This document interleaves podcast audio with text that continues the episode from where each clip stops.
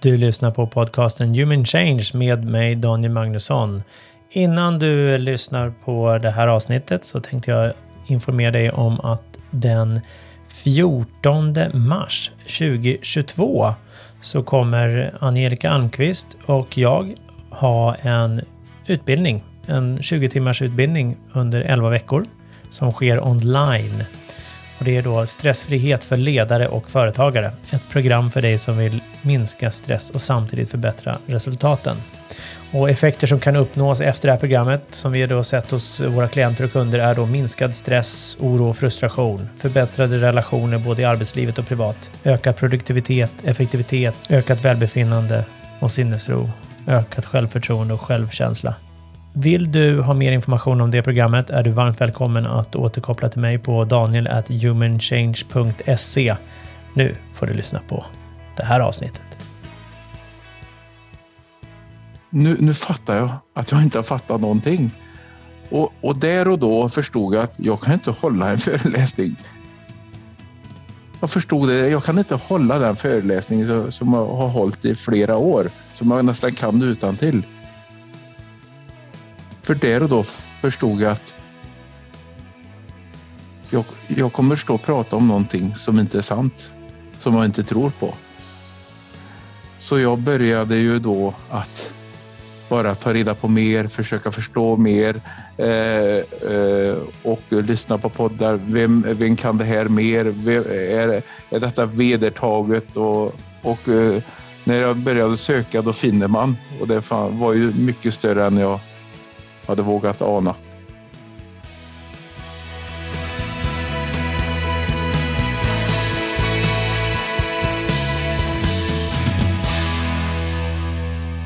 Du lyssnar på Human Change med mig Daniel Magnusson.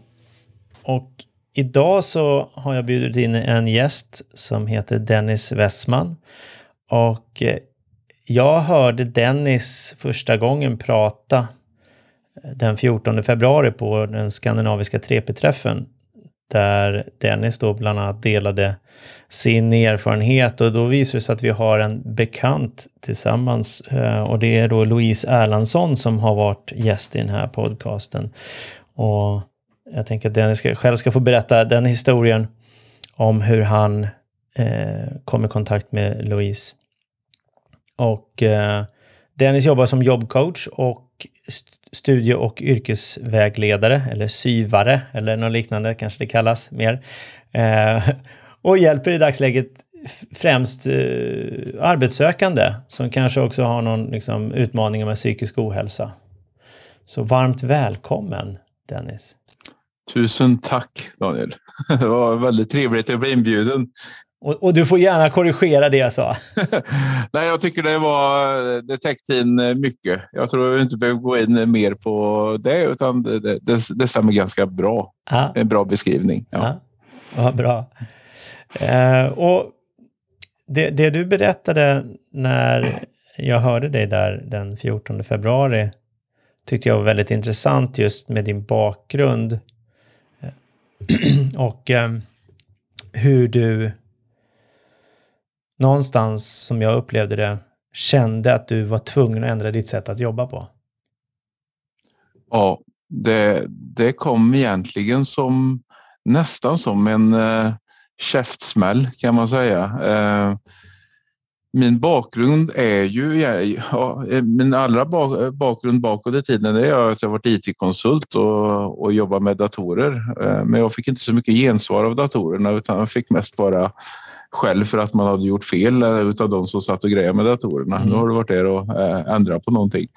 Eh, och jag visste inte vad jag ville göra i livet men på de här olika bananskalen som vi halkar runt på av tillfälligheter och, och av saker som vi gör så hamnade jag in på coachingspåret och fick börja jobba med människor som har gjort 18 år tillbaka i tiden nu.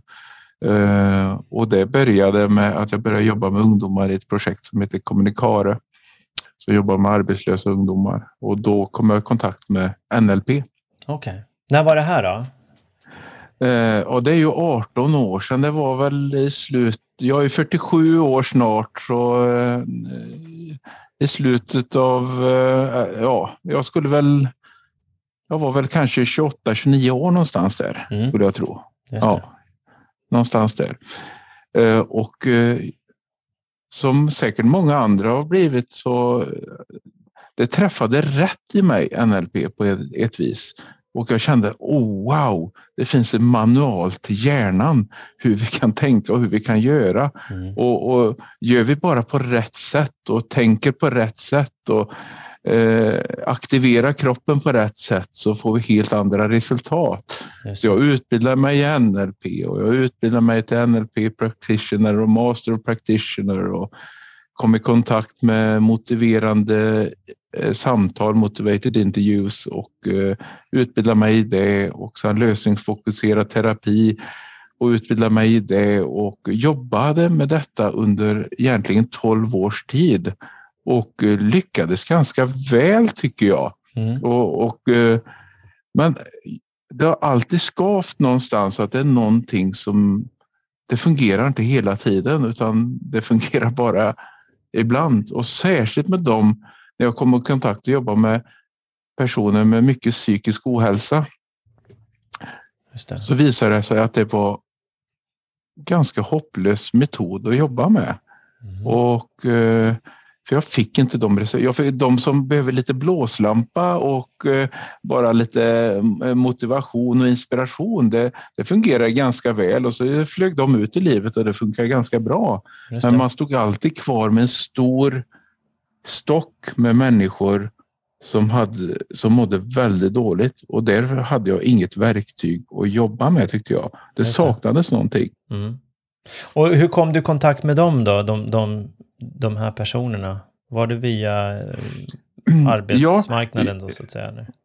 Ja, det har jag varit inom arbetsmarknaden. Jag jobbade på Kommunikare först och sen började jag på efter det. Det var ett projekt, eh, EFS-projekt. Sen eh, blev jag anställd på Samordningsförbundet Väst och jobbade där med psykisk ohälsa och personer med diffus verk och inom vården för att få ut dem i aktivitet eller egen försörjning under två och ett halvt år och blev värvad sen till Arbetsförmedlingen och jobbade där i sju år. Um, också med ungdomar och där träffar man ju också väldigt många med psykisk ohälsa men också de som bara är inne och vänder. Mm. Eh, Efter Arbetsförmedlingen jobbar jag i kombination med kommunen i ett projekt med ungdomar med psykisk ohälsa och eh, utanförskap. Och sen eh, sökte jag ett jobb som studie och yrkesvägledare och varit där i fem år. Men nu är jag tillbaka på arbetsmarknadssidan lite grann och hjälper till att störta till där. Mm. Så hela tiden har jag under alla de här 18 åren som jag jobbar så har jag stött på dem. Även i skolan där jag träffade, där Louise kom in en dag och knackade på och Mm. ville läsa upp sina gymnasiebetyg som man hade tappat på grund av psykisk ohälsa. Som vi kommer in på lite mer senare. Mm. Så det har hela tiden funnits med och jobba med det. Mm. Just det. Ja, och, och det är väl det är ju intressant det där tycker jag just nu säger med, med NLP och, och motiverande samtal. Eh, Och NLP tänker jag, för de som inte känner till det så betyder det Neurolinguistic Programming, står det för. Så det är bara att googla om man är intresserad av det. Ehm, som, som du säger handlar väldigt mycket om att kontrollera och bestämma hur man ska tänka och det. Och det funkar många gånger eh, för dem som, som, precis som du säger, som redan är på väg, behöver en liten knuff eller något liknande. Ehm, och, men inte alla gånger. Och det blir Nej, fortfarande en det inte teknik.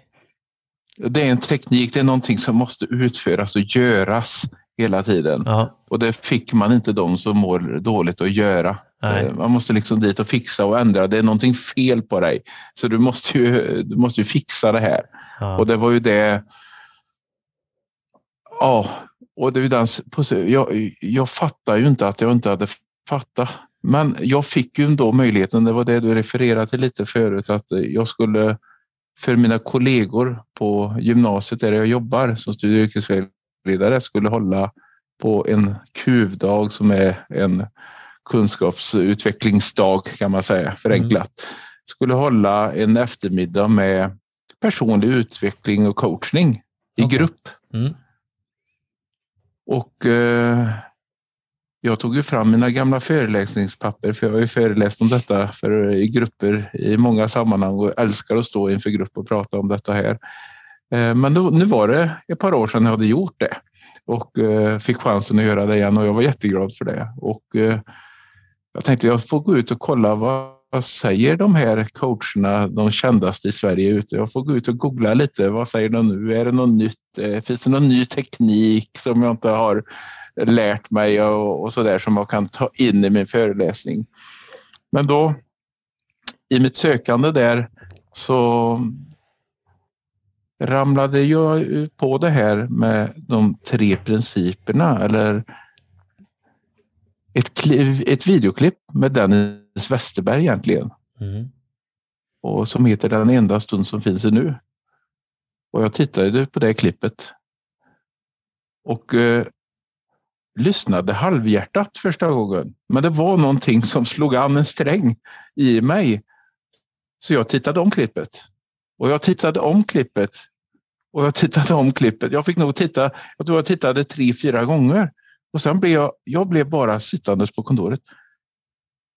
Men jäklar, det här är ju... Nu, nu fattar jag att jag inte har fattat någonting. Och, och där och då förstod jag att jag kan inte hålla en föreläsning. Jag förstod det. Jag kan inte hålla den föreläsning som jag har hållit i flera år. Som jag nästan kan utan till. Mm. För där och då förstod jag att jag, jag kommer stå och prata om någonting som inte är sant. Som jag inte tror på. Så jag började ju då att bara ta reda på mer, försöka förstå mer eh, eh, och lyssna på poddar. Vem, vem kan det här mer? Vem, är, är detta vedertaget? Och, och eh, när jag började söka då finner man och det mm. var ju mycket större än jag hade vågat ana. Mm. Det är häftigt. Just att du som, som jag varit i, i den här det här träsket. Personliga utvecklingsträsket ganska länge. Uh, ja. Och sen, det här har jag aldrig hört förut. Var, var kommer det här ifrån? Uh, och det är det som är ganska intressant. Att, och, och, det är väl så det funkar om man tittar sökmotorer också. Väljer jag söka någonting, mm. då kommer jag få upp mer av det jag söker på. Ja. Uh, men, men någonstans så snubblar vi över någonting som får oss att haja till. Och jag, jag lyssnade på Michael Neal, jag köpte en kurs med honom, Impacting Leaders via Mind Valley. Och mm. gick och renoverade hemma och lyssnade på den samtidigt som jag höll på att knacka kakel. Och så började han säga, och så, ah, well, now I'm gonna, uh, var det så här, give you the first, uh, the, the simplest and the best coaching method ever. Jag bara, oh, stannade upp direkt, okej, okay, nu ska vi höra. Bara, show up, show to what shows, uh, nej, respond to what shows up. Och det var ja. så här, show up and respond to what shows up. jag fattade ingenting. Sen så efter ett tag så började han så här, eh, prata om uh, how, how we as humans function psychologically. Och det, var, det triggade mig direkt och sen så mm. började jag lyssna och sen så bara, äh, vänta nu, det här är jätteintressant. Det här har jag aldrig hört förut. Och sen mm. så var det ju ner i det kaninhålet och liksom hitta allt och bara och det, det, det slår ju an, det är precis som du stannade upp där. Det är någonting som det här har aldrig hört förut och det, det känns rätt. Ja, och det gör det. Och, och det kanske för oss då som har varit i, som du kallar det, i träsket. Då, då slår det ju verkligen an en sträng ganska fort, mm. tror jag. Eh, kanske inte på alla, men för vi som fortsätter söka mm. på ett vis. Mm. För Eh, och det har jag märkt med, med personer som aldrig har kommit i kontakt med coaching och sådär. Då, då, då upplever jag att det kan ta lite längre tid för poletten att ramla ner än för oss som har varit i, i, på andra sidan mm. Mm. träsket och trampat igenom träsket och sen får den här levererad på ett så bra sätt som, eh, sätt som Michael Neal gör. Eh, även på TED-talket som man har som heter Why Aren't We Away Summer, tror jag det heter. Mm. Eh, och det blir som Ja, det blir sådana här käftsmällen som jag sa, men att jag inte har förstått det här själv. Mm. Ja, och för, just för att det, det, är så enkelt förklarat. Och det går mm. också emot så mycket annat vi har hört. Det är väl därför man reagerar också tror jag. För vi, du som jag i det här fallet har ju gått runt och tänkt att vi måste bestämma, vi ska tänka och vi ska tänka positivt. Man får inte tänka negativt. Och det, det ska ändras tillstånd på kroppen och det är hormoner, det är hjärnan och allt det där liksom. Så... Ja, och är du på dåligt humör, gå inte in till din fru hemma utan gör lite blandade småhopp utanför så att du kommer i rätt eh, stämning. Och... Ja. Men det funkar dåligt kan jag säga. ja. Först och främst är det väldigt sällan man, kommer, man har tillgång till den resursen att komma på att ja, just det, nu ska jag göra upphopp här eller något liknande eller stå och le. Och särskilt inte när hissen är nere liksom. Nej. Precis. Det sista man vill göra är att göra, göra lite blandade småhopp för att ja. komma i mod liksom. Ja. Utan man vill sätta på en depplåt och eh, deppa ner sig ännu mer istället. Ja, precis, och, och, och rusta sig för bråk.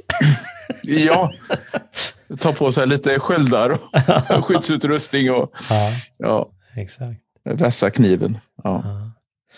ja spännande. Men, och, vad var det som hände där efter det då? När du stötte på det där? Förutom att du jo, fortsatte. Jag, fick, jag, jag, jag höll ju min föreläsning där jag blandade min gamla, alltså säga vad man vill om träsket, men det finns ju även insikter i träsket som Absolut. jag har med mig idag som är jätteviktiga. Mm. Så jag tog ju alla de här insikterna jag har fått med mig från alla de här samtalsmetoderna. Och så de, jag är jätteglad att jag har med mig dem. Mm. Jag liksom ångrar inte den resan, för den var viktig.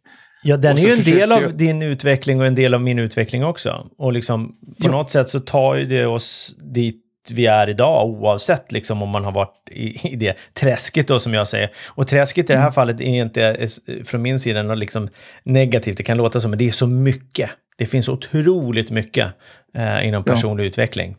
Eh, mm. och, och, det kom, och det är väl just att det blir eh, kanske snårskog då, kanske ett bättre ord egentligen, för det är så snårigt, för det finns alla möjliga metoder och tekniker hej vilt och det, och det blir ganska svårt att veta vad det är som funkar och vad det är som inte funkar om man ska testa nytt hela tiden.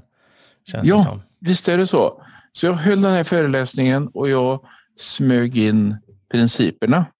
Så. Mm. Det var jätteuppskattat mm. och eh, det gjorde ju att jag kunde jag fick inte syva så mycket utan jag fick ju ta hand om personal. Alltså det sprang personal på mitt kontor och ville ha samtal. Och elever kom i strid ström och ville ha samtal för de gick till mig hellre än att gå till eh, sin kurator. Eller så. Alltså det, för det, det spred sig att när man gick till Dennis då fick man inte bara hjälp med sina, vad ska jag läsa för kurser? Mm. Utan jag fick också jag mådde bättre när jag hade varit hos Dennis också. Mm. När jag gick därifrån så jag gick dit frustrerad, arg och ledsen och jag gick därifrån och mådde ganska bra. Mm. Mm. Så jag, jobb, alltså jag brukar säga så här, syvandet det gjorde jag kanske 5-10 procent på min 100 procent tjänst. Mm. Resten var utveckling av skola och eh, framförallt mycket samtal om annat. Mm. Och där kom ju en dag så satt ju Louise Erlandsson på mitt kontor hon gick inte på den gymnasieskolan. Hon, hon, hade, hon hade flyttat till den kommunen jag jobbar i. Okay. Och, eh, så hon gick alltså i en annan gymnasieskola och kom till dig på en annan plats? En annan skola? Ja, det, eh, så, så som eh, Louise förklarade för mig så hon gick i en skola i Värmland. Mm. Eh, jag bor ju i Dalsland i Bengtsfors kommun. Så det eh, Louise berättar i olika andra poddar eh, om sin resa, det är ju att eh, det händer saker under skoltiden, framförallt i årskurs tre, som gör att hon inte får fullständiga gymnasiebetyg. Och det är ju den psykiska ohälsan som tar tag i mm. henne på ett vis. Eh, av någon anledning så behöver Louise byta kommun komma ifrån, försöka hitta nya vägar. Eh, och hon berättade också att hon har kontakt med psykiatrin och eh, socialtjänst, IFO, hemma hos boendestöd och allt det där och eh, knaprar piller och tabletter och blir diagnostiserad på första mötet med sin eh, psykolog och, Mm. och allt det här. Men hon kommer i varje fall, precis som hon berättar i Thomas och Dennis podd tror jag också, eh, Ehm, i avsnitt 264 där att eh, hon kommer med sina betyg. För hon kommer till en ny kommun och så visar hon sina betyg för mig och säger att jag vill läsa upp så jag får min gymnasieexamen. Och det är ju lätt som en syv och jag tar emot pappren och ser att ja, du behöver komplettera med de här kurserna och det är klart att du kan ju börja direkt. Och Mm. det hade varit lätt för mig att göra det. Mm. Då hade jag gjort mitt syvarbete, Mm. skriva in henne och gjort en studieplan. Men eh, tack vare den långa erfarenheten av att jobba med människor med psykisk ohälsa så, så såg ju jag och jag hörde när hon pratade att det var någonting annat. Så jag tog ju bara hennes betyg och så slängde dem i papperskorgen. Och sa att du ska inte börja studera. Så, ja, vi behöver jobba med ditt mående. Jag ser att eh, du, du, du mår inte bra. Hon bryter ihop och så berättar hon sin historia för mig. Och det visar sig ju att eh, hon hade ju massa kontakter. Det var ju alla de här som jag sa Mm. om eh, psykiatrin och boendestöd och ah, ja, det var SIP-möten och allt, allt, allt. Och det jag fick reda på när jag började nysta lite, jag, du, det är klart du får börja studera här, men för att du ska klara dina studier så behöver vi först jobba med ditt mående. Och då sa hon, då hade hon ju psykiatriker och hon hade ju eh, samtalsstöd och sådana här saker. Mm. Men eh, det gjorde bara att hon mådde sämre och sämre. Och jag fick ju till mig att jag inte fick jobba med Louise på något annat sätt än som syv. På grund av att hon hade för mycket kontakter och det skulle inte vara bra för Louise. Men som vanligt i mitt liv så brukar jag gå på gränsen till vad jag får. Och jag sa till Louise att om du vill så träffas vi igen så, så kan vi ta ett snack bara. Jag kan coach, göra, ge dig en coachingtimme. Kom hit så pratar vi. Och hon kom. Och jag pekade henne i den riktningen vi pratade om. Om de tre principerna. Ja, vi pratade mycket om vad det är som gör att vi mår som vi mår. Hur Mm. tankarna spirrar oss ett spratt. Mm. Eh, och hon, hon satt, he, hon trodde nog det här var, vad är detta för flum Mm. egentligen? Men någonstans så såg jag att det gick in saker. Och jag sa, "Nej, du kan väl lyssna lite på Thomas och Dennis podd. För jag hade ju inte så mycket tid, jag hade mycket att göra. Så jag, Mm. jag hade det samtalet, jag hade ett samtal till senare och hon hade lyssnat på podden. Gå, gå ner till vattnet, gå någonstans där du bara får luft och mår lite, b- lite bra och får lite syre i kroppen. Och, så lyssnar du så kan vi se. Mm. Och det var den stora vändningen för henne. På bara ett par månader sedan så ingen psykiatri, inga tabletter, inget boendestöd, inget. Alltså det var därför rubriksättningen hos Thomas och Dennis då, jag var egentligen frisk. Mm.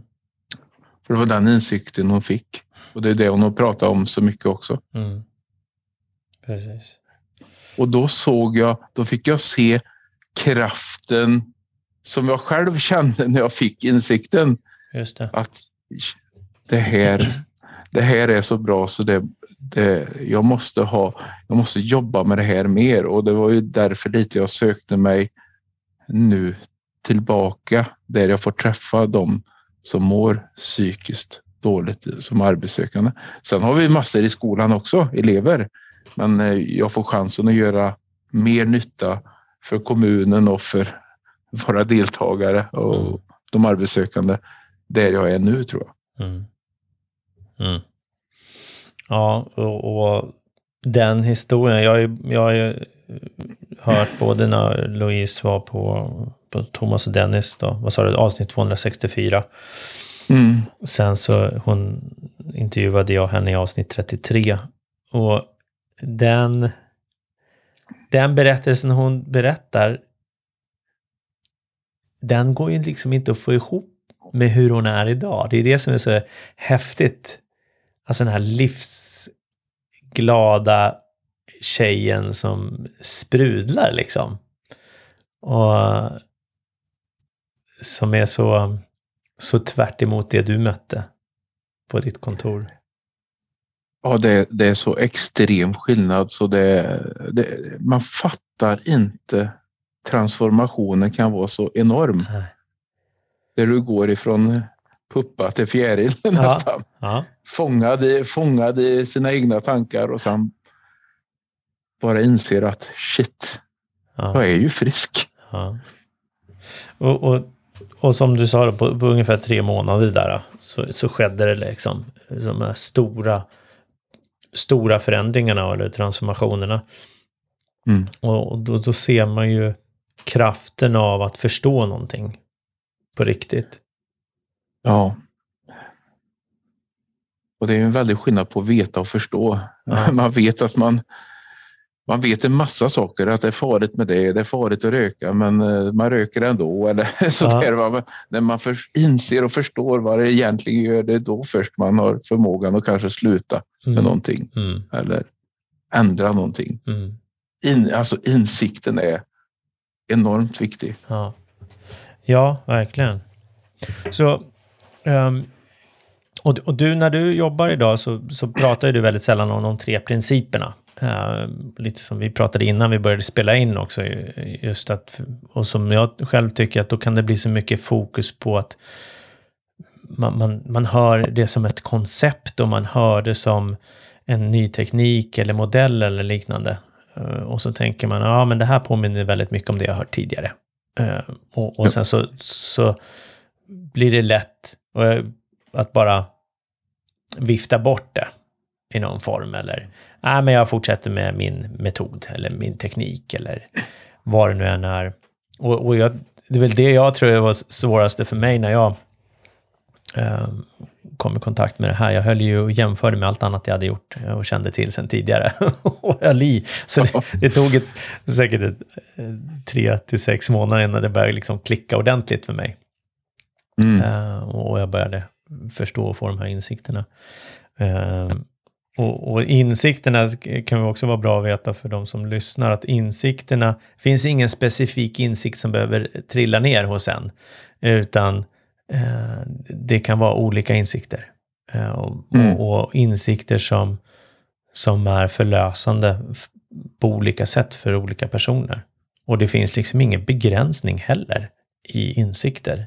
Det är inte så här, nu har jag fått insikt och så är det klart. Utan jag fick några här för, för ett tag sedan också. Bara, Oj, wow. Ja, men så är det ju även här. Um, men med det sagt så tänker jag så här, hur, när du, om det är någon som är nyfiken så här, och kommer till dig, ja men de tre principerna, vilka är de tre principerna? Hur, hur pratar du om dem? Och förklarar dem? Ja, det lättaste tycker jag, eller som jag använder mig mycket av, det är ju när jag sitter och coachar. Då har jag, har jag ju ett rum där jag har en whiteboardtavla. Jag brukar ju, jag, jag blir väldigt utåt. Jag vill, jag vill rita, jag vill mm. förklara mm. så där på olika sätt och använder naturligtvis mycket metaforiskt för att, jag tycker det är en väldigt bra metod och det använder Michael Neal väldigt mycket också. Han är ju expert på just mm. det sättet att prata. Så det, och det, det, det, tror jag jag har använt även när, när jag var i träsket så att säga för att mm. få insikter även där. Mm. Men det är just det här med jämför. Det beror lite på vem jag pratar med och vad de har. För jag tar ju reda på lite vilka de är och hur, hur deras liv har varit. Så försöker jag sno saker ur deras liv för att göra metaforiskt. Eh, ungdomar bland annat, det är ju mobiltelefonen mm. till exempel. En sån här grej som de känner igen eh, väldigt väl. Men just det med att vi föds med när vi får en mobiltelefon mm. så har den alla resurser den behöver för att klara livet som mobiltelefon mm. i dagsläget. Men sen lägger vi på saker i telefonen. Alltså som, eh, ska vi dra den parallellen till oss människor. Vi bygger på oss utbildning och erfarenheter på vägen och i telefonen lägger vi in appar och vi mässar och vi snappar och till slut eh, blir telefonen full av skit. Mm. Och i våra liv full av tankar eller mörka tankar eller saker som gör... Och då får vi göra en... Ringer vi då till någon eh, psykolog eller telefonpsykolog så säger den, ja men gör en... Nej, det har gått så långt så du får nog göra en fabriksåterställning här Mm. för att komma, komma till noll igen. Mm. Och då gör vi det. Men vi människor är ju också, som jag, vi är ju lite mer avancerade än en telefon egentligen då. Ja, våra, mycket, vår mycket mer. kapacitet. mycket, mycket mer. Va? Men för att göra en liknelse, för att förstå att vi människor, vi föds med de resurser vi behöver för att vara människor. Vi har allting inbyggt, alla, alla resurser och alla kvaliteter. Sen behöver vi bygga på oss erfarenheter och sånt i livet naturligtvis. Men fabriksinställningen från början är perfekt. Och när det blir för mycket i telefonen, då behöver vi göra en fabriksåterställning. Mm. Och i våra liv, då, i, i träsket-livet, då ska vi gå på vi retreat och vi ska gå på mindfulness och vi ska gå på KBT och vi ska gå på det ena för att försöka eh, rensa tankar och sådär. Och må bättre Men, hela eh, tiden, som vi Vad sa eftersträvar. du? Ja, och må bättre. Vi strävar ju hela tiden efter att må bättre. Vi strävar ju efter det där som, som är inbyggt i barnasinnet, det vi Mm. föds med. Mm. solen i barnasinnet. Och det är det som vi pratar om att vi ska bara avtäcka det. Och avtäckandet, det kan, naturligtvis kan man göra det på en retreat och, men det kan också bli tvärtom, att det blir ännu mer tankar som blir svåra. Mm. Men, eh, och det är ju det som insikten är så bra är när man förstår vad en tanke är och vad medvetandet är. Och att vi bara är liv, ett ständigt pågående nu. Mm. så behöver vi ju inte göra en fabriksåterställning. Fabriksåterställningen blir när vi förstår insikterna om hur livet är och hur, hur vi människor fungerar och att tankarna är där som styr som styr vårt liv på ett vis eller styr våra känslor som sen blir så, som styr vad vi gör och vad vi känner. Men kan vi bara låta dem vara? Så, så, barnasinnet tittar ju fram emellan Mm. hela tiden. Det avtäcks ju av sig själv om vi låter det vara. Mm. Men ska vi lösa det med massa metoder eller med massa KBT eller massa terapi, då är vi ju där och river Mm. i såret. Det blir bara mer och mer tankar och så förstår vi inte. Vi söker lycka och lycka och lycka hela tiden. Men ju mer vi söker lycka, desto längre ifrån lycka kommer vi. Mm. För lyckan finns ju i det tankefria området. När vi bara känner att vi vaknar upp en dag eller vi kan gå eh, ute på en promenad i soligt väder eller snöigt väder och bara känner att åh, vad livet, vad skönt det är att leva bara. Det, bara, det kommer som en insikt. Mm. Och vi vet inte varifrån det kommer. Då är vi nära barnasinnet. Mm. Och jag pratar mycket- i metaforer om att när vi föds är det sol i sinnet. Sen, sen vi är två, treårsåldern, eh, två, tre, fyra, femårsåldern, när vi börjar präglas och när vi börjar inse att livet är förgängligt, att våra föräldrar ska dö, att jag själv ska dö. Man börjar bli rädd, man börjar, börjar eh, drömma mardrömmar, man blir medveten om sin egen existens. Livet är ju det, vi föds in i livet med livskraften. Sen kommer medvetandet fram och vi blir förgängliga och eh, vi inser det. Tankarna börjar komma. Ja, det blir lite moln på himlen i form av medvetandet. Medvetandet fylls av tankar som oftast inte gynnar oss. Det är skuld, skam, rädd, ledsen, förtvivlad. Vi kommer till skolan i första klass och lämnar in vårt första rättstavningsprov och får tillbaka det felat. Vi, vi, vi går till mormor eller mor, morfar eller farmor eller farfar och så fin fem fel. Och vi letar fel. Och det på, pågår hela vårt liv och så Sen tror vi vi blir experter på att leta fel.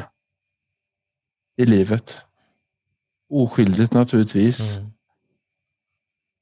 Och sen helt plötsligt så, när vi, är, när vi bara är fel, då försöker vi finna lycka och då letar vi utanför oss själva. Mm. Det finns ingen lycka att finna där för den finns redan i standarden i fabriksåterställningen. Den finns redan.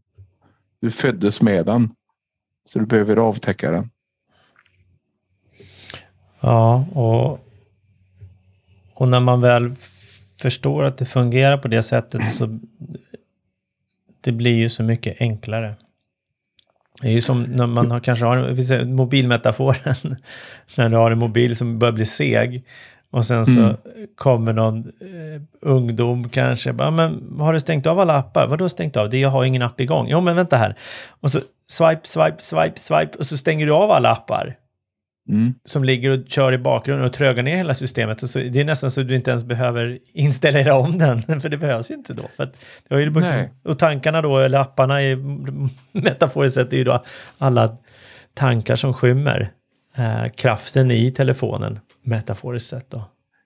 Ja, det är ju det. Och, men fort, om du inte swipar bort det där, då behöver du inte göra en fabrik, eh, swipar bort det behöver du inte göra en fabriksåterställning som du säger. Men istället då en del, de lägger på mer och mer och mer och mer mm. och mer och till slut så har du ju, det är så mycket tankar eller så mycket appar så till slut så kollapsar ju systemet. Mm. Och det är då vi människor går i väggen eller bränner ut oss eller sådär och så och så tar det evigheters tid att göra den här fabriksåterställningen via psykiatrin. Och mm. oftast är det väldigt få som lyckas den vägen. Precis. För då, och just det här metaforen och liknelsen som du gjorde med just att man sitter och gräver i såret i, i, i hopp om att det eh, ska liksom bli bättre. Det, det, det säger sig självt att det blir ju inte bättre. Men all, allt någonstans, jag tror jag brukar påpeka när man pratar om det, för det, det låter som att människor kanske gör det med flit. Men det är ju självklart att ingen gör det med flit. Man gör det i, i tro om att det ska läka. Oavsett vad man väljer att göra. Ehm, så att om, om man har en, en, utbildad inom en viss terapi eller coachingform så kommer jag ju, det är ju bara att titta på en själv. Jag tror ju att det här är bra. Jag tror ju att det här kommer hjälpa dig. Annars hade jag ju inte gjort det jag har gjort tidigare med NLP eller coaching eller, eh, eller som någon terapeut liksom. Ja. Nej, och det är ju det. Alltså, under de 12 åren när jag körde med NLP och MI och, och, mm. och, och lösningsfokus, alltså jag, jag var helt övertygad om att mm. jag, jag var på rätt ställe. Mm.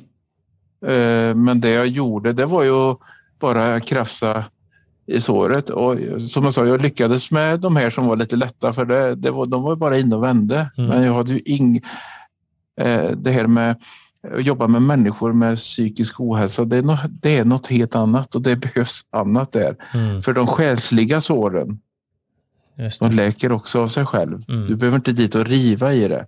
Och det är det jag menar när Ja, som jag, hade en eh, tjej som gick praktik hos mig. Det berättade jag lite på den skandinaviska 3P-träffen, mm. lite snabbt. Mm.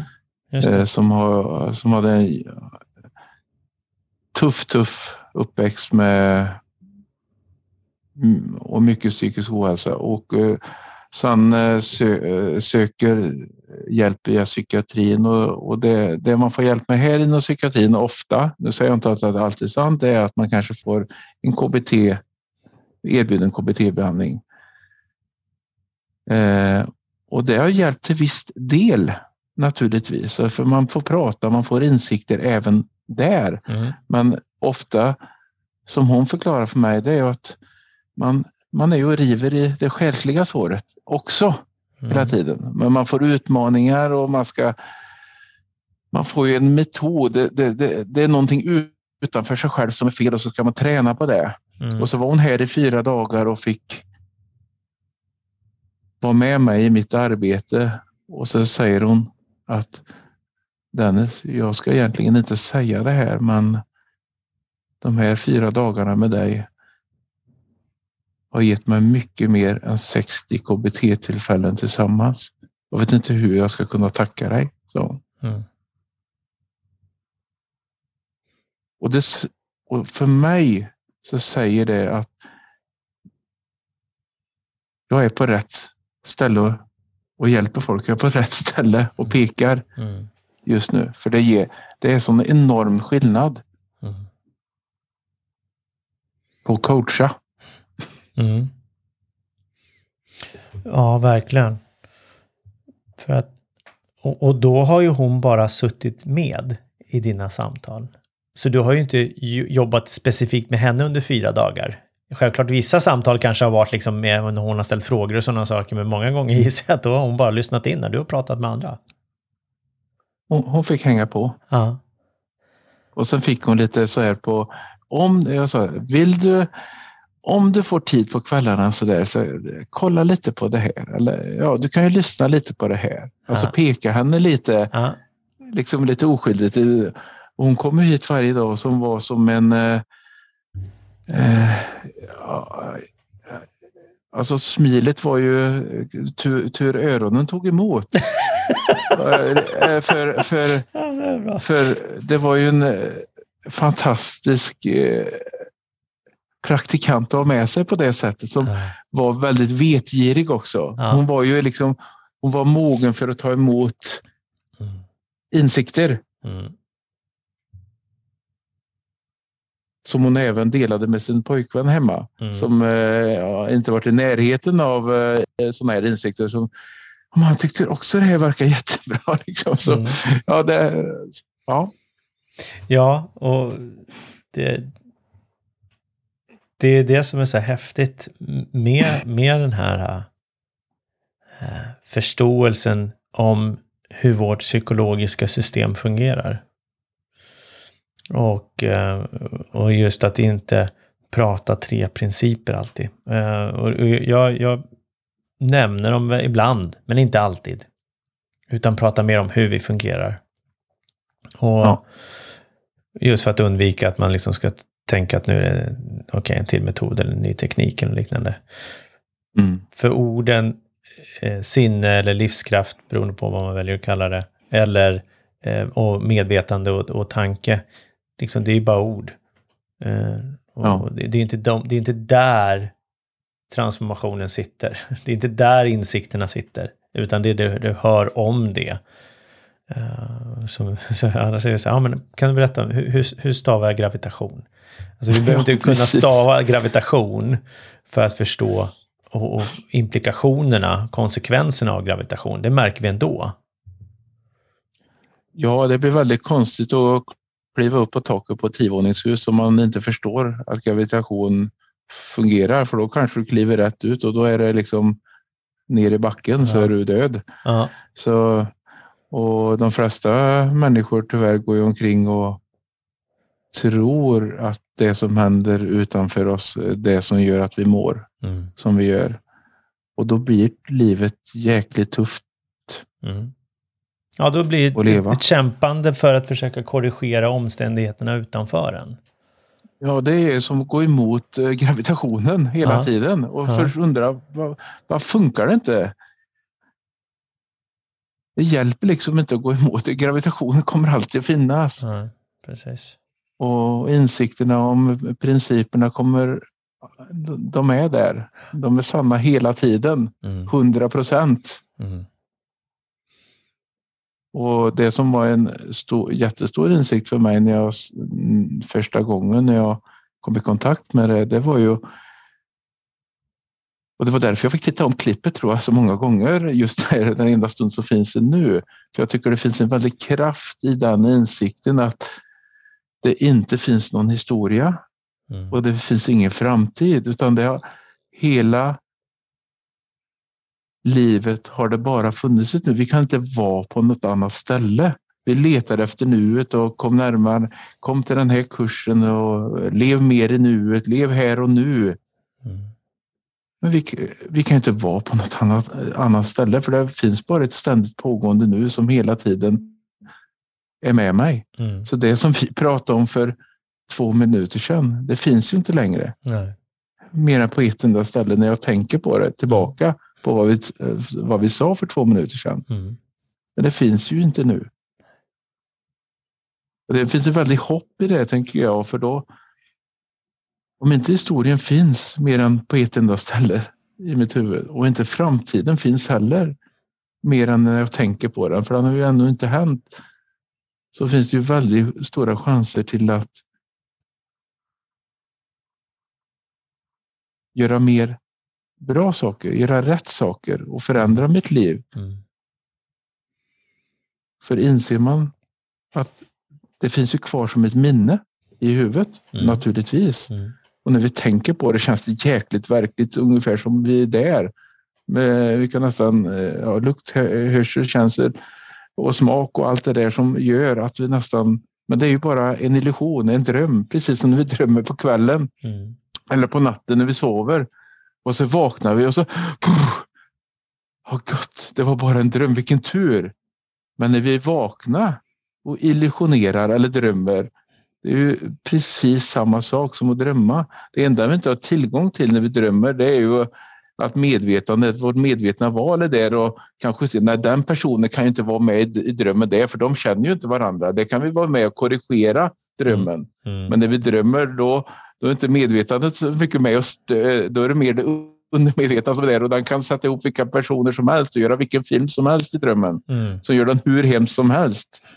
Men när vi är vakna kan vi också göra hur hemska saker som helst. Men är det någon som puttar på dig då eller väcker dig ur drömmen? Men nu är du på fel ställe. Nu är du inte här och nu. Du är här och nu rent fysiskt. Vi kan inte vara på något annat ställe. Men vakna ur drömmen, det är ingen skillnad på dröm och verklighet. För det är bara tankar. Mm. Oavsett. Samma tankar som snurrar. Mm. Det är inte så att det är andra tankar bara för att vi sover. Nej. Nej, och det är mer då, då, upplever man när man vaknar att oj, vilken galen dröm. Ja. ja.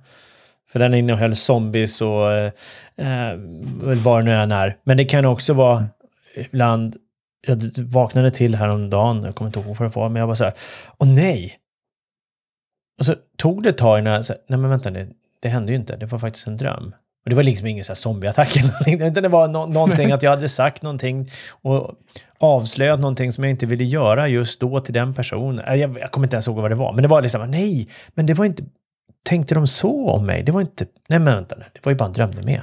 Alltihopa var ju bara en dröm. Ha, ha, vad skönt! mm.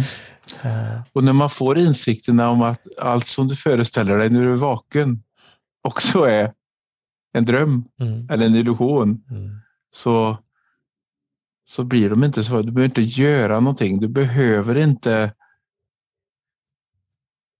och det är många som säger att jag har så sjuka tankar. Du ska veta, jag vill kasta mig framför ett tåg eller jag vill, när jag körde bilen, jag hade en eh, deltagare förra veckan, så jag kör bilen, jag vill bara köra, köra den rätt in och ta livet av mig. Mm. Tankarna är inte farliga inte farligare än en dröm eller någonting, men när du ska behöver tro att du måste göra någonting mm. för att bli av med dem. Skära dig eller dricka alkohol eller ta droger eller slå ner någon för den har gjort mig illa. Mm. Så jag, då, blir, då mår jag mycket bättre. Mm. Eller meditera, eller ut och springa, eller ja. Nu är det ju hälsosammare, men, men, men, men, men, men man är fortfarande lika låst och fast i det då. Så att det nästan blir ett tvång. Och, och det är ju där mycket OCD kommer in också. Det, mm. alltså, eh, det är ju en, en, då har det gått väldigt långt att jag måste göra vissa saker för att eh, mm. jag inte ska behöva göra det mm. som jag tänker på. Mm. Så, det, så och det är ju också en Det blir ju ett ja, beroende när du, när du känner, det, det är ju definitionen av ett beroende, nu kommer inte ihåg exakt, men just att när du har, eh, det, när du känner att du inte har något val mm. för att göra någonting. Mm. Oavsett om det handlar om att snöra på sig skorna och ut och springa. Mm. Och, och jag, ja, precis, exakt så. Och eh, så pratar jag med personen, ja, jag hör en inre röst som säger det här. Ja, det är ju precis det som är tankarna. Mm. Det liksom. Mm. Den har vi alla. Du är inte unik. Nej. Ja, men den säger att jag måste göra så här och så här. Den säger att jag, om vi tar exempel med Anna Lind som blev mördad Mm. och han förklarar, den som mördade henne förklarar att ja, men jag var tvungen, jag hörde din röst. Och det, och det är hemskt att det ska behöva gå så långt. Det är tragiskt. Ja, fruktansvärt. Men det är även tragiskt att det måste ut och springa bara för att jag tror att, eller att jag måste ha på mig, eh, att jag måste knyta vänster eh, doja för att jag ska kunna prestera på fotbollsplan. Mm. Eller ja, allt det där som vi fantiserar om att vi tror är sant. Men hade det varit sant så hade det varit sant varje gång. Mm. Men eh, råkar du spela en bra match fast du råkade eh, knyta höger skon först. Och då hittar vi på att ja, men det var nog bara lite tillfällighet och tur. Mm. Inte det är att nej, jag var dum jag var som trodde att det var vänsterskon som var att jag knöt, knöt den på ett speciellt sätt Ja. eller först. Så vi luras ju in och det, det bygger väl kanske på evolutionen att eh, vi under tusentals år, vi är ju designade för, för överlevnad och inte för lycka. Alltså vår hjärna är ju designad för att överleva. Vi har ju tränat århundraden på att överleva. Och de som sprang fram på savannen till, det kanske låg en hel hög med mat någonstans. Och den som var dum och bara sprang fram till maten säger åh, mat till mig. Och så springer man dit och, och där hade det varit ett lejon som hade lagt fram all den maten för han satt och väntade på något kött som kom. Och, Mm. så blev du uppäten, då fick du inte vara kvar i evolutionen. Mm. Men om du sprang fram till maten och det inte hände någonting, då kommer du springa fram nästa gång. Då har du inte lärt dig om någonting. Så vi behöver ju, vi människor för överlevnadens skull har vi behöva koppla ihop Mm. en positiv händelse med någonting att hänga upp det på. Mm. Likaså med negativa händelser och någonting att hänga upp det på. Och de som lyckades bäst med det här, de fick överleva. Det är det- de som är våra förfäder. Mm. Men det också gör att det ställer ett stort spratt i nutiden. Mm. Eh, Det, det är nuet vi lever i nu. Mm. För de levde ju sist nu. Och att eh, det måste bero på det här varför jag mår så dåligt. Det måste bero på det här att jag mår så dåligt. Och så letar vi och så har vi skapat utbildningar inom psykiatrin som gör att vi måste förklara det på något sätt. Ja. Ja, och vi, vi gör ju också kopplingen för det, för vi tror ju att när jag gör det här så mår jag ju bättre. Ja, Då, är, då måste det är därför jag gör det här, exempelvis. Och sen så Ja. börjar man hitta det sättet och så börjar man då de här vidskepliga tankarna och tänker att jag måste ha en Mm. ha- hartass, jävla äckligt egentligen. eller något sånt, eller jag ska sätta på mig skon först och knyta på det här sättet, eller jag ska eh, knacka mig i huvudet när jag säger peppa peppa ta i trä, om jag hoppas. Och, Ja. alltså, så vi lär oss väldigt tidigt det här, hålla tummarna. mm. Och jag brukar säga det ibland, så, ja, vi får hålla tummarna. Så jag, Fast det spelar ingen roll, säger jag direkt efter numera. För att jag, men Nej, det är så precis. invant att vi pratar på det sättet. Och det kan väl vara fint, men går jag runt och tror att det har betydelse?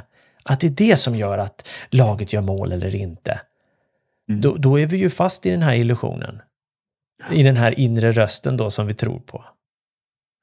Ja, och vi letar ju hela, jag, jag har varit i den fällan i så många år. Jag, jag har tävlat i cykel och löpning och sådär.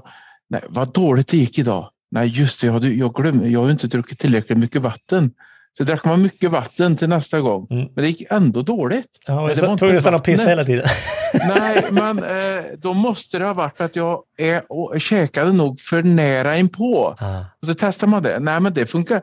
Eh, Och hade man lite tur då, eller otur, så gick det bättre då. Och då tänkte man, då måste man alltid äta exakt så långt före. Ah. För då, och springa. Alltså, det blir så mycket. Och till slut så tar det ju upp hela livet. ah. Och så går man och mår dåligt för att allt möjligt. Va? Men det har också gjort att saker som gör jag så här så mår jag bra. Och så kanske man gör, jag går ut och går varje dag. Jag går ut och motionerar för då mår jag bättre. Och det är säkert. Alltså du går ut och får lite luft och så, jag håller mig någorlunda i form och jag eh, får motion. Ja visst, det är ju bra. Det är ju sant liksom på det sättet. Men det har ju inget med tankarna att göra. Nej. Det har ju inget med att eh, du, du, du, får, eh, du får bättre tankar för de kommer ju och går som de vill. Mm. Och en del ja, men när jag pratar om det här, jo men tanken kommer först och sen känslan, men det här går så mm, snabbare än ljusets hastighet. Mm. Så det är därför man inte förstår, ja, vad kommer först? Ja, men det var nog känslan. Men du kan inte känna något om du inte tänker. Mm. Men ja, jag mår dåligt nu, men jag, jag har inga tankar som jag kan må dåligt av. Men det pågår ju, en del, vissa påstår ju att vi har en 65 till 70 000 tankar på ett dygn. Mm. Eller på vår vakna tid. Jag tror att det är mycket Ja, mer än men- så. Ja, det, jag, jag tror att det är väldigt mycket mer än så. Ja. Men vå- vårt medvetna jag på skärmen, vårt medvetande, det vi upplever saker, den processer, processar ju inte alla de här tankarna. Nej. Men det finns ju något undermedvetet som tar hand om allt det här också. För vi kan inte vara medvetna om allting. Nej. Nej. Och i det undermedvetna sker det ju också saker och där är det ju också som en popcornmaskin med tankar hela tiden som inte vi i det medvetna jaget behöver processa. Mm. Och de kan naturligtvis beroende på om vi har en sjukdom i kroppen eller att vi kanske mår lite dåligt av våra medvetna tankar gör att vi, alltså hissen är nere Mm. och då, då har, det, har det undermedvetna en tendens att ta de svarta popcornen, alltså de svarta tankarna lite mer på allvar utan att vi medvetet är medvetna om det. Mm. Och en, plötsligt kan vi gå, men jag känner, jag har ingen bra dag idag. Alltså jag mår inget bra och jag kan inte förstå riktigt varför. Och där spelar de ett jättestort spratt. Mm. Precis. Och Och det, även ibland så kan vi känna att fan vad bra jag mår idag. Men jag, jag har inget att må bra för egentligen. Ja, ja, ja, jag lever ju. Jag, har, ja. jag känner, men inte, jag kan inte sätta ord på vilken tanke det är eller vilket tänkande det är som gör mig bra. Men det sköts av det undermedvetna också. ja, hela systemet är ju liksom är ju där oavsett liksom. Och jag tror att det bara, bara bli medveten om det så, så kan vi ju liksom börja komma upp till ytan igen. Om man är liksom Mm. under ytan i form av att man eh, blir medveten att man nu sitter och tänker. Det är det som händer. Mm. Du eh, Dennis, jag tänker vi rundar av. Mm. Eh, vad, vad är bästa sättet om, om någon vill komma i kontakt med dig? Ja, det bästa sättet är nog, eh, tycker jag, eh, LinkedIn. Ja. Eh, där jag försöker att försöker nätverka med Mm. de som, när det gäller jobb, studier, men även om eh, framförallt om coaching och de tre principerna. Ja. Då lägger jag en länk till LinkedIn här i, i beskrivningen. Jag kommer även lägga en länk till eh, avsnitt 264 till Thomas och Dennis podcast så att ni kan hitta den lätt och även eh, den här... eh, Avsnitt 33 på din. Precis, ja exakt. Exakt, den kanske är lite lättare att hitta när man ändå är här, men jag kan lägga in den. Plus att jag Mm. lägger även länken till ehm, Michael Neils videoklipp som du nämnde. Och jag ska leta rätt på eh, Dennis också, den där eh, faktiskt. Den där, eh, Mm. den enda stunden som är. Den enda stund som finns är nu, Ja, Just det. Mm, på, Ju- på Youtube. just det. Vad bra. Du, om du skulle skicka med någonting till lyssnarna, en sista grej, vad skulle det vara? Det jag skulle vilja skicka med för er som lyssnar på det här avsnittet. Oavsett att du mår bra eller att du mår psykiskt dåligt eller oavsett hur du mår så skulle jag ändå vilja peka åt riktningen i de tre principerna. Ta kontakt med mig, Daniel eller någon annan som jobbar med det. Börja få insikt för det är verkligen värt allt oavsett vilket tillstånd eller mående du är. För det är verkligen att förstå hur vi människor fungerar. Som en insikt. Och det unnar jag alla som lyssnar. Och alla som inte lyssnar också. Tack snälla för att du har lyssnat på den här podcasten. Skulle det vara så att du vill sätta ett betyg för att du lyssnar på iTunes är du mer än välkommen såklart att gå in och göra det. Sätt det betyg du tycker att den här podcasten förtjänar. Skriv gärna en kommentar. Är det så att du vill komma i kontakt med mig så kan du alltid gå in på humanchange.se eller skicka mig ett mejl på daniel.humanchange.se. Ha det fantastiskt!